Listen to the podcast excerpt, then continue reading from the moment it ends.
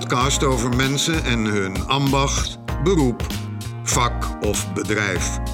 Waarom kozen zij voor, waarom doen ze het en wat maakt het voor hun zo bijzonder? Welkom in editie 67 van Vakwerk. Aan de knoppen zit, zoals gebruikelijk, Marijn Oostdijk. En mijn naam is Flip Schultz. En de gast in deze editie is Nico Hoebe. Welkom Nico. Ja, dankjewel. Ik vind het heel erg leuk om hier uh, aanwezig te mogen zijn. En wij zijn heel blij dat je op onze uitnodiging bent ingegaan. Nico, de aanleiding voor je aanwezigheid in deze podcast is de onthulling van het Joods Namenmonument een maand geleden op het Stationsplein in Alkmaar. En dat monument is door jou ontworpen. Daar komen we straks uitgebreid op terug, op dat monument zelf. Maar jij bent dus ontwerper, designer, zeggen ze ook wel eens. Het is toevallig nu we dit opnemen, de Dutch Design Week. Maar wanneer wist jij wanneer je ontwerper wilde worden? Nou, dat is heel grappig. Uh, eind jaren 70 runde ik samen met mijn uh, vrouw, Anneke Looijenstein, Café de Kaasbeurs op het Waagplein in Alkmaar. En in die tijd was het een heel populair café met een zeer gevarieerd publiek. En in de zomer was het extra druk met het terras en de kaasmarkt. En hadden we ook extra personeel in dienst. Nou, er waren er vele, maar die, eh, die kwamen en, uh, en gingen. Uh, maar een van hen was Rens. En Rens die zat in Eindhoven op de Academie voor Industriële Vormgeving. En dat is nu, heet dat, de Design Academy. Hij logeerde in, bij, thuis in, in, bij zijn ouders in Alkmaar, want daar kwam hij vandaan. En hij kon dan zo bij ons aan de slag. Nou, omdat creativiteit bij mij altijd al aanwezig was, uh, bracht uh, nou, de gesprekken die ik dan had met Rens, die brachten mij op het spoor van, uh, van de design. En ja, vroeger had ik nog de ambitie in de fotografie, maar dit leek me eigenlijk veel interessanter. Nou ja, het was een, wel een hele gedurfde stap, want ik zat tenslotte in het café. En dan, uh, en ja. dan uh, moet je dan besluiten, ga je dan uh, iets doen in, in Eindhoven of all places? Maar goed, ik heb het toch gedaan. 150 kilometer hier vandaan. 150 ongeveer. kilometer hier vandaan. Nou, het was een gedurfde stap. maar ik werd daar toegelaten.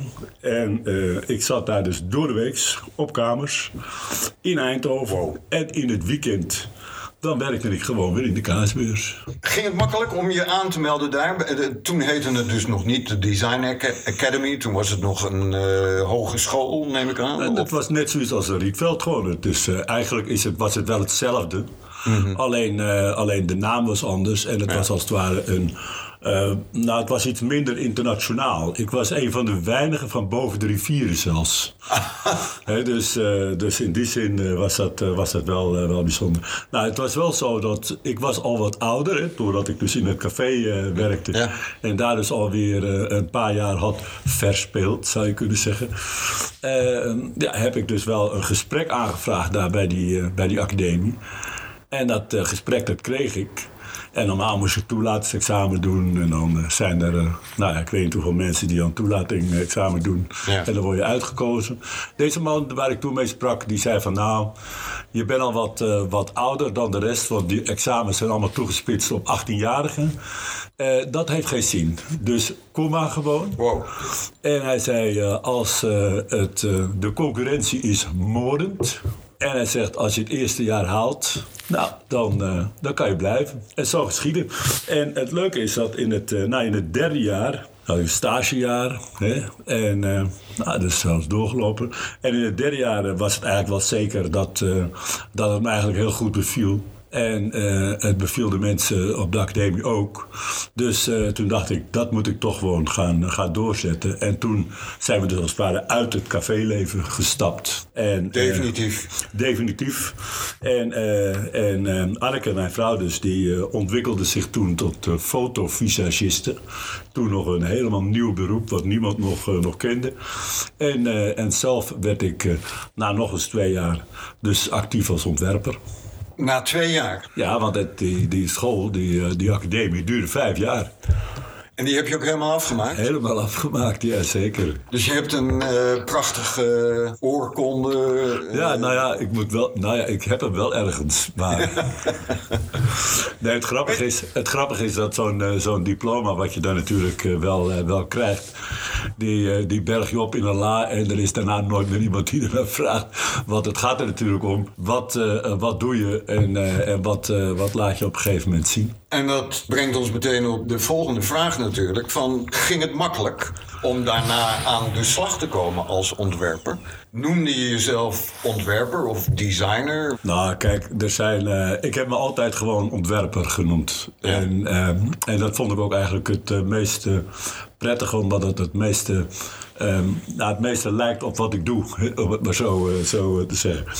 Je hebt allerlei, ik heb in de, in de uh, in het vervolg van de carrière heb ik wel gemerkt dat soms ben ik dan de architect. Soms ben ik de kunstenaar. Hè? Dus, uh, want dat zijn dan, maar dat zijn het eigenlijk dingen die anderen dan als het ware over je roepen. Maar zelf noem ik mezelf altijd ontwerper. En uh, ja, kijk, in het begin daar, dan pak je natuurlijk gewoon alles aan. Dus ik deed ook veel grafisch werk. Maar ik, heb, ik kreeg ideeën en denk van, ach, wat tapijten zijn mooi. Daar had ik ook ervaring uh, in, op de academie opgedaan. En dus heb ik ook tapijten ontworpen en ik heb meubels gemaakt. En nou ja, van alles en nog wat, wat ik dan deed. En onder andere, ik, dat was ook nog wel grappig. Ik had stage gelopen bij Oilili. En dat was het, uh, het Alkmaarse uh, kleding, uh, kledingbedrijf. En deze mensen die, die kende ik ook al heel lang.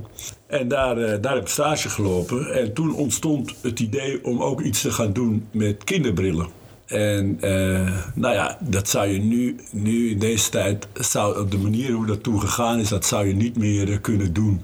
Dat je een idee hebt en dat je vervolgens zegt, nou dat gaan we over twee jaar wel eens uitvoeren. He? Want wat gebeurde er? Ik liep naar stage. En uh, hadden ze op een gegeven moment intern hadden ze een modeshow. En daar uh, deden ook allemaal kindjes deden daar natuurlijk mee, die allemaal in leuke kleren zaten. En op een gegeven moment was er een, uh, een jochie. En het was een, hij zag er hartstikke leuk uit. Mm. Dus, uh, maar hij had een draak van een bril op zijn kopje. En toen stond dus Willem Olstoren, de baas, we stonden naast elkaar. En Willem zegt tegen mij van... Nou Nico, uh, dat moeten wij toch wel beter kunnen. en omdat ik zelf een, uh, een brildragend uh, ben geweest... al vanaf mijn tiende jaar... en ook vaak andere brillen op had... Ik kocht wel eens tweedehands brillen... waar ik dan weer glazen in liet, liet zetten. Dus hij zei van... Ah, daar moeten we eens over na gaan denken. En toen zei ik... Ja, dat is goed, maar dan wel nadat ik afgestudeerd ben. En toen zei hij dat is goed. En dus ben ik eigenlijk gewoon na mijn afstuderen, eigenlijk ja, min of meer tussen de andere klusjes uh, door, ben ik eigenlijk direct begonnen met de ontwikkeling van een collectie uh, kinderbrillen. En het, uh, het leuke was dat die brillen dus nou, heel specifiek, er was helemaal niets op, op de markt gebied. op dat, dat gebied. Kinderbrillen waren in die tijd waren dat eigenlijk gewoon grote mensenbrillen. Die markt was nog helemaal niet ontdekt. Nee, nee. die kinderbrillen waren eigenlijk gewoon een soort grote mensenbrillen die te heet gewassen waren. en, en, dus dat leek, eigenlijk, dat leek eigenlijk nergens op. En ik ging me dus echt specifiek nou, in, die, in die wereld van die kinderen dus, dus verdiepen. En ik maakte modelletjes, ik deed er kleuren aan. Materialen die, die er waren, die, die waren in die tijd nog niet in kleur verkrijgbaar. Dus ik heb zelf nog dingen in moeten kleuren, in moeten verven wow. en uh, noem maar op. Maar op een gegeven moment dus een collectie gemaakt. En die, uh, die, nou ja, die sloeg in. Fantastisch, was hartstikke goed. In Milaan, op een grote beurs. Eigenlijk de belangrijkste brillenbeurs die er ter wereld was. En dat sloeg uh, heel goed aan. En eigenlijk, uh, het was wel... Nou, grappig en niet grappig, maar nog geen jaar later lagen de eerste kopieën lagen al op een andere beurs in, uh, in uh, Parijs. En, uh, en op een gegeven moment was het, het was echt een heel succesvol product. Maar op een gegeven moment was, was zeg maar 95% van, van de kinderbrillenmarkt die was van mij dan wel op mij geïnspireerd. Maar als je die 95% dan eigenlijk als 100%, was er nog maar 5% echt van mij. De rest waren allemaal kopieën. Overal werden ze gemaakt en overal eh, lagen ze te koop. Ja, hebben jullie die merken niet gedeponeerd toen? Of? Ja, die, die merken, die, eh, kijk, O'Leary was natuurlijk allemaal wel gedeponeerd. En, eh, Ja, en, eh, maar die ontwerpen van die brillen niet. Nou ja, kijk, het is heel erg lastig om modellen eh, te, te deponeren en eh, te beschermen. En wat dan, eh, wat dan helpt is als je een hele goede, ehm, eh, nou ja, zeg maar juridische eh, dingen daarover eh, over doet. Nu was het zo dat hoe succesvol die die kinderbrillen wel waren voor een bedrijf als O'Leary. eh, ten opzichte van eh, de kleding die ze verkochten, was het eh, peanuts. Ja, ja, ja. Hè, dus zij hebben een hele focus hadden zij gelegd op die, op die kleding. En zij, zij waren dus als het ware die, ja, die brillen, dat was toch wat minder belangrijk, om het maar zo te Ik zeggen. snap hem, ik snap hem. Nou, dus- op die website van, van, van jou en de architect waar jij mee samenwerkt... De website heet Not Only. Ja, not only. Ja, we doen niet alleen dat, we doen van alles. Dus dat is het eigenlijk. Daar staan die brillen geloof ik ook. Ja, die staan die brillen ook op. Ja, Ja. zeker, zeker. Dus daar kunnen mensen eh, eventjes kijken.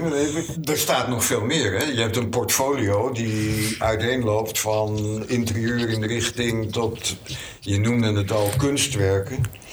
En van horloges, kinderbrillen tot aan tiny houses. Werk je aan al die projecten met evenveel plezier?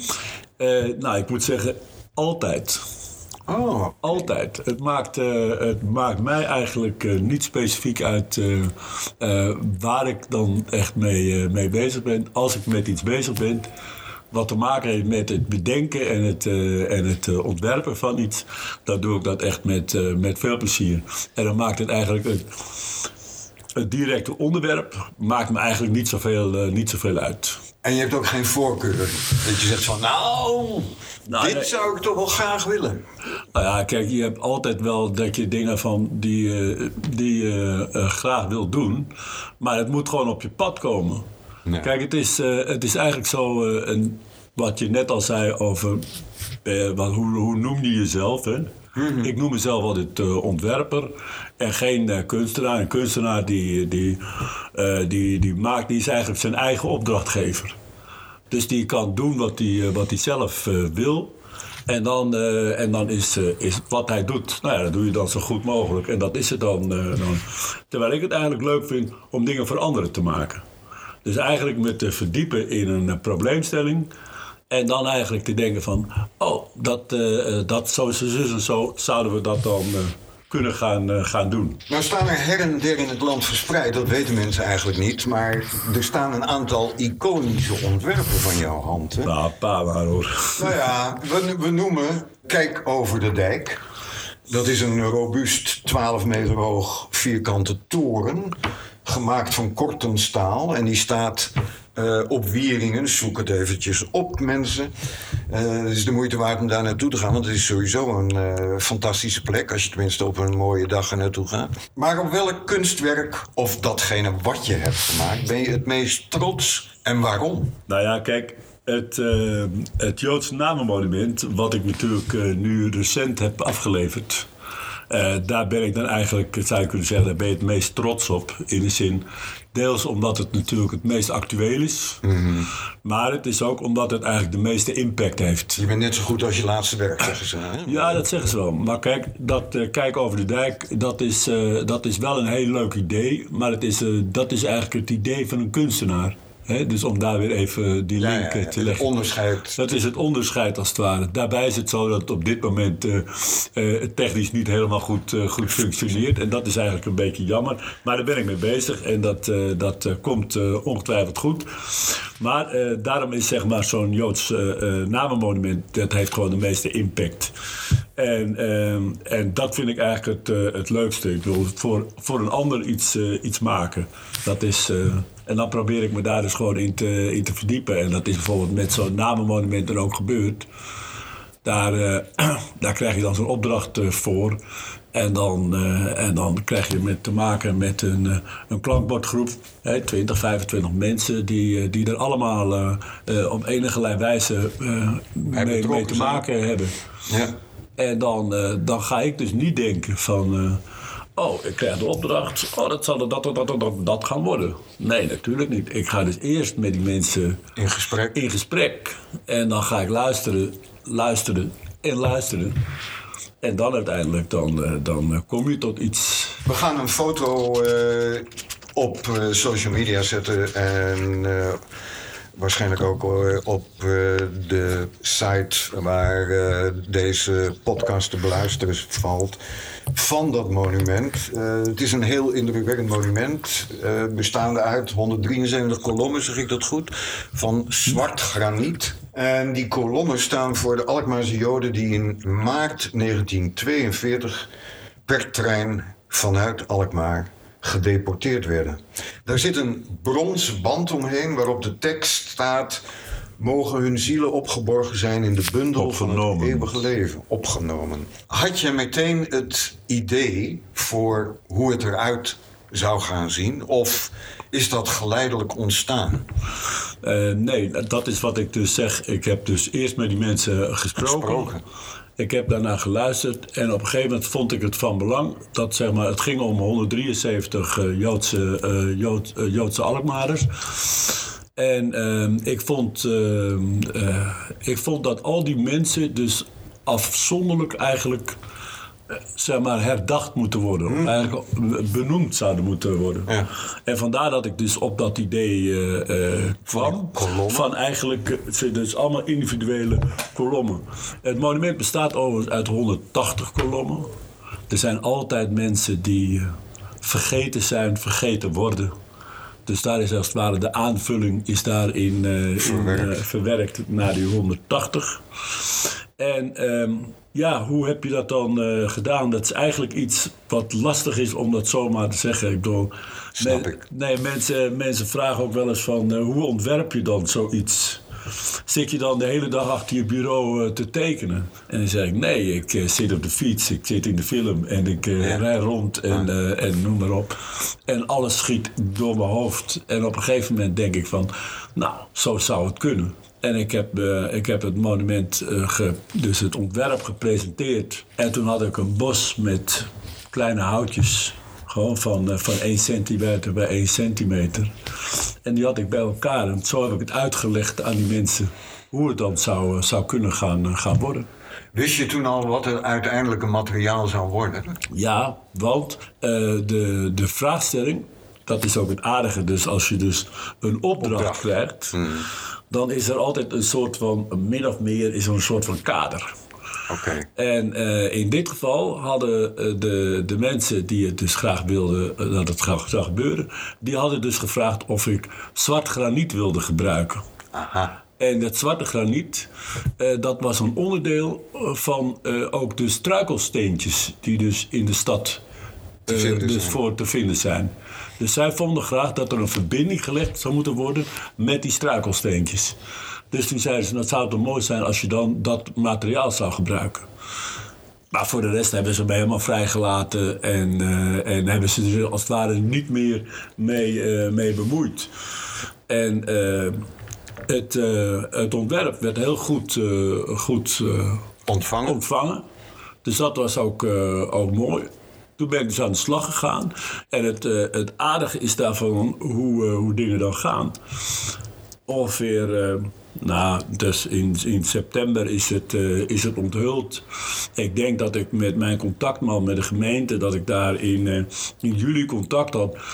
En toen zei ik, eh, nou, het is toch eigenlijk wel grappig dat, dat die, eh, die klankbordgroep eigenlijk zich nooit meer heeft gemeld bij mij om te vragen van... eh, van Hoe gaat het? Goh Nico, hoe gaat het nou mee? Mag ik eens even kijken? En gaat het wel goed? En toen zei die man van, van de gemeente, die zei toen van... ze hebben gewoon 100% vertrouwen in je. Dus Nou ja, ik denk, eh, dat is mooi. Die bronzen band eromheen, was dat ook jouw idee? Of Ja, ja. ja en als je inclusief goed... eh, de tekst? Ja, nou ja, de, tekst, de, de teksten, de Teksten. die zijn allemaal aangeleverd door, eh, door zeg maar, eh, de mensen die het, de initiatiefnemers. Ja. De namen natuurlijk, die zijn allemaal door het regionaal archief allemaal Ja. nagekeken. Daar is ook, daar is onder andere is daar iemand heel erg bij betrokken geweest, aan gewerkt heeft. Dat is Jan van Baar. En Jan van Baar heeft ook tegelijkertijd is die ook op 10 september is dat ook, eh, ehm, is dat ook ehm, eh, eh, uitgegeven. Een boek over de vervolging van Joods Alkmaar. Daar heeft hij weer een boek over, over geschreven. En hij was ook eigenlijk de, de man die zich eh, vooral bezighield met al die namen. En die worden dan ook allemaal weer gecontroleerd. Dus eh, het zijn allemaal mensen die dan zo'n lijst krijgen. In de eerste instantie dacht ik natuurlijk gemakkelijk. Ik krijg een, eh, ik krijg een namenlijstje in mijn handen en ik kan, kan eh, aan de gang gaan. Maar eh, dat bleek, eh, die namenlijst dat duurde heel erg lang.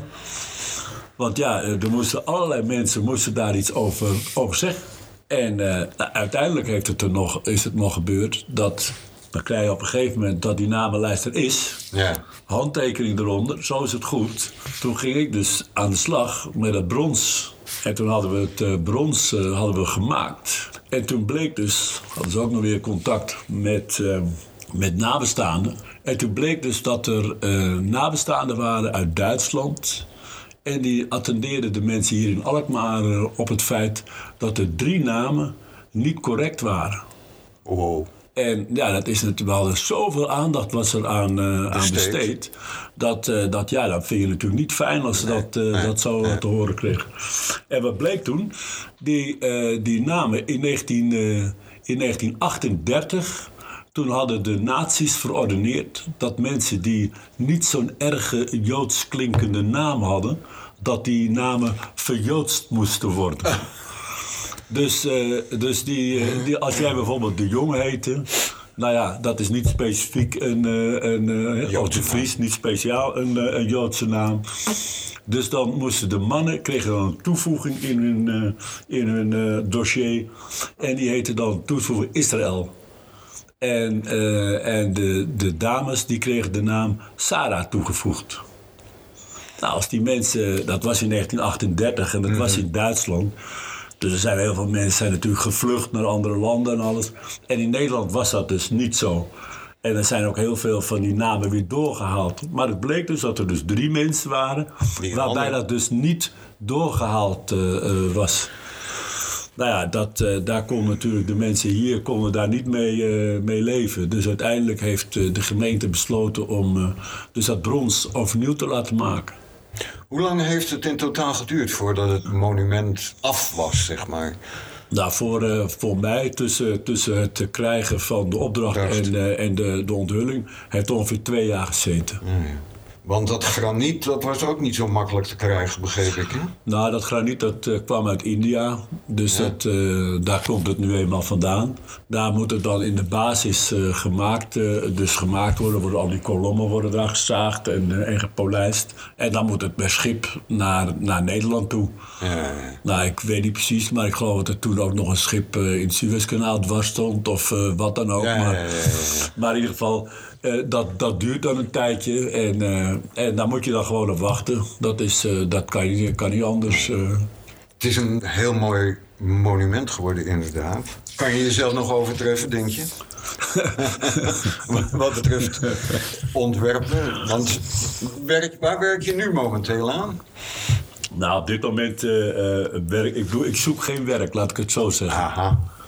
Eh, dat is, eh, Dat is altijd heel geruststellend, hè? Als Dat je, is, eh, ja, dat is eh, heel eh, geruststellend. Ik zoek geen werk, maar het is natuurlijk wel zo dat als iets eh, interessant is, een leuke opgave is, dan vind ik het altijd leuk.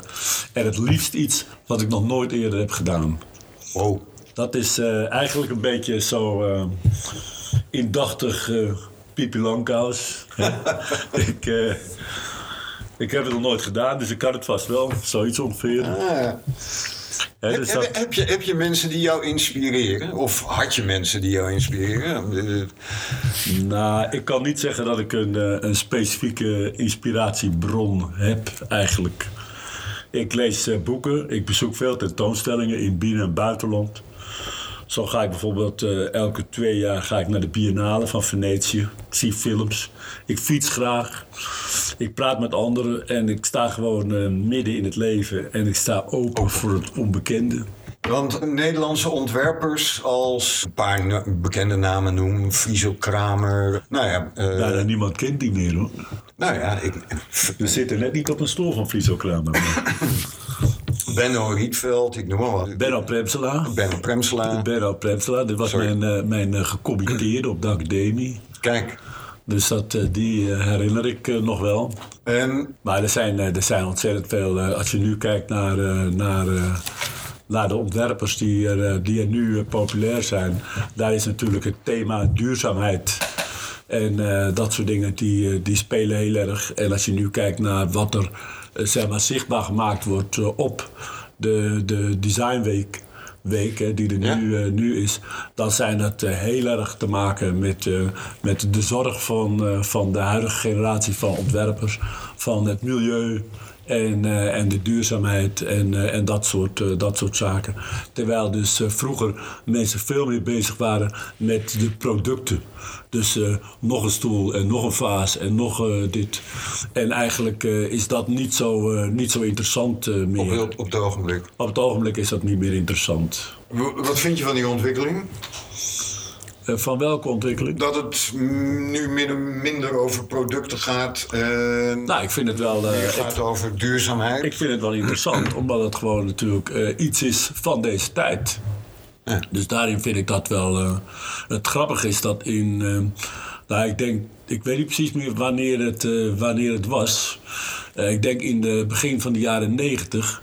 Toen deed ik een keer een eh, paar dagen met een hele grote groep van ontwerpers. Ook eh, buitenlandse eh, mensen waren daarbij betrokken. En dat ging over, hoe heette het ook alweer? Sustainable lifestyles. Nou, kom er maar eens op. Nou, het was een, het werden allemaal daar in, in groepen verdeeld. En ik zat daar in een groep met, met een Italiaanse ontwerper, Michele De Lucchi. En ehm, nou, hartstikke leuk. Maar we vroegen mensen op een gegeven moment aan mij... Hoe denk je over duurzaamheid? En het was zeg maar in, eh, in eh, 91, 92 of iets dergelijks. Niemand was daarmee eh, mee Bezig. bezig. En ik dacht bij mezelf, duurzaamheid, duurzaamheid, eh, wat, eh, wat, eh, wat moet dat? Maar toen zei ik dus van nou, een, een, een gevoel van duurzaamheid heeft ook te maken met hoe je kijkt naar de producten die je doet. Ik had toen net een hele mooie collectie gemaakt eh, voor Oilili van, van de horloges. En toen zei ik, eh, ik maak ze zo mooi dat mensen ze nooit meer weg willen doen. Mensen willen nooit meer een ander. Ja, ja, duurzaam. Dus En dat is dus ook eigenlijk ook een vorm van duurzaamheid. Zeker. Dat op een gegeven moment mensen natuurlijk van alles en nog wat hebben en dan weer weggooien, weer nieuw. En dat is natuurlijk eigenlijk verschrikkelijk hoe het natuurlijk is. Met name natuurlijk in de kledingindustrie, waarbij eh om de zes weken, nou eigenlijk is het, is het nog sneller. Ja. De doorloopsnelheid is zo ontzettend snel dat het eigenlijk gewoon niet, eh, niet leuk is. eh. Over, eh, over leuk gesproken. Helpt muziek bij het eh, ontwerpen? Heb je muziek op als je aan het ontwerpen bent? Nou, laat ik het zo zeggen. Ik hou erg van muziek. Dus, eh, en ik ben eigenlijk een alleseter. Dus ik heb heel veel verschillende soorten muziek. En het is dan ook heel moeilijk te zeggen om te nou, wat vind je nou het leukste of iets dergelijks. Ik kom uit een, eh, uit een eh, groot gezin van tien kinderen. En als, eh, als kind dan vroeg je wel eens aan je moeder van... Ben ik de liefste? Zo ongeveer. en dan zei ze... Nee, nee, nee, jullie zijn me allemaal even lief. Ik hou van jullie allemaal. Nou, en zo is het ook een beetje met mij en de muziek. Dat natuurlijk is het wel zo eh, dat het allemaal een beetje afhankelijk is van wanneer het tijdstip van de dag of, eh, of iets dergelijks. Maar ik zou moeiteloos zou ik een top 100 kunnen samenstellen of een top 1000. eh, hè, het is. het is ik vind het ik, echt, en er zijn allerlei verschillende muziek in zitten. Van Canto Ostinato tot Lou Reed, waar ik een liefhebber van ben. En vanaf de eerste LP van de Velvet Underground, die ik al, al had, heb ik, eh, en ik heb hem ook vele malen live eh, mogen, mogen zien. En dat geldt ook voor, eh, voor mensen als, als Frank Zappa, Mothers of Invention. Er is een tijd geweest dat ik, dat ik twee platen maar, maar draaide. Hè? Dus toen ik nog jonger één- dan wisselde ik Frank Zappa af met een LP van de Humble Bums. nou, de, de, de Humble Bums, dat, werd, die werd later werd hij beroemd als Jerry Nou ja, goed, dus eh, ik ben ook een beetje een romanticus. Dus eh, ik heb nog een, eh, een nummer van, van de Humble Bums eh, opgezocht.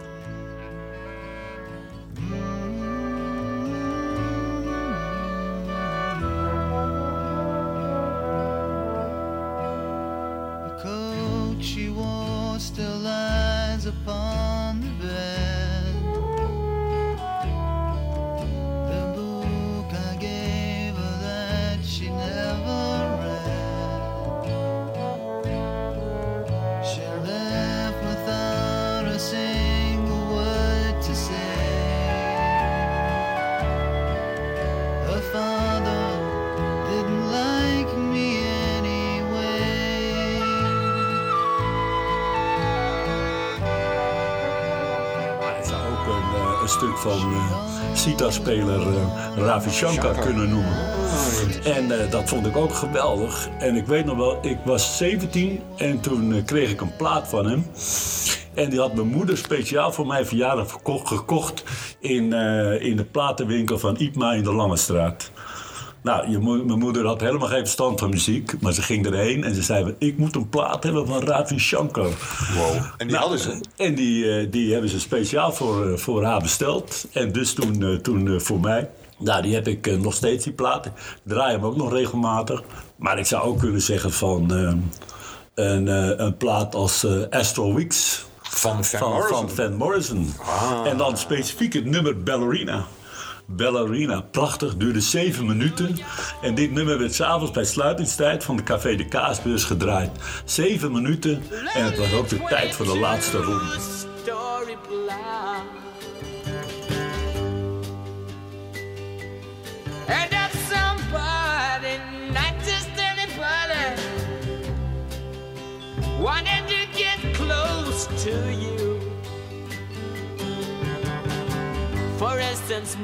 Ik hou ook erg van eh, Afrikaanse muziek.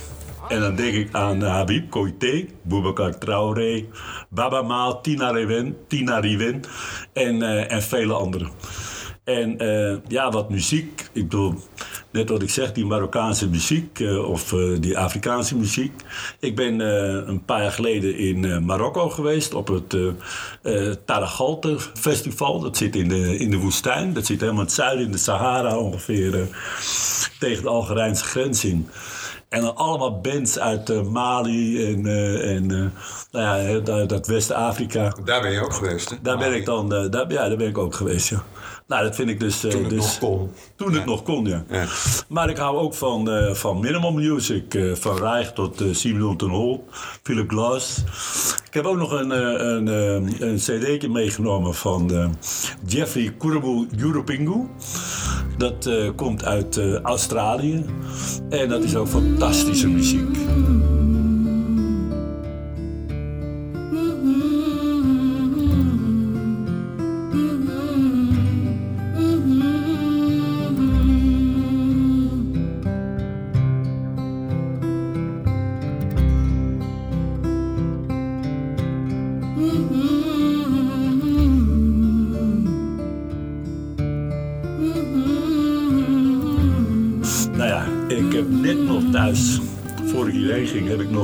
Cd gedraaid. De cd Amour gedraaid, van Calet. Ik hou van pianomuzieken, uh, cellostukken, liturgische Slavische muziek.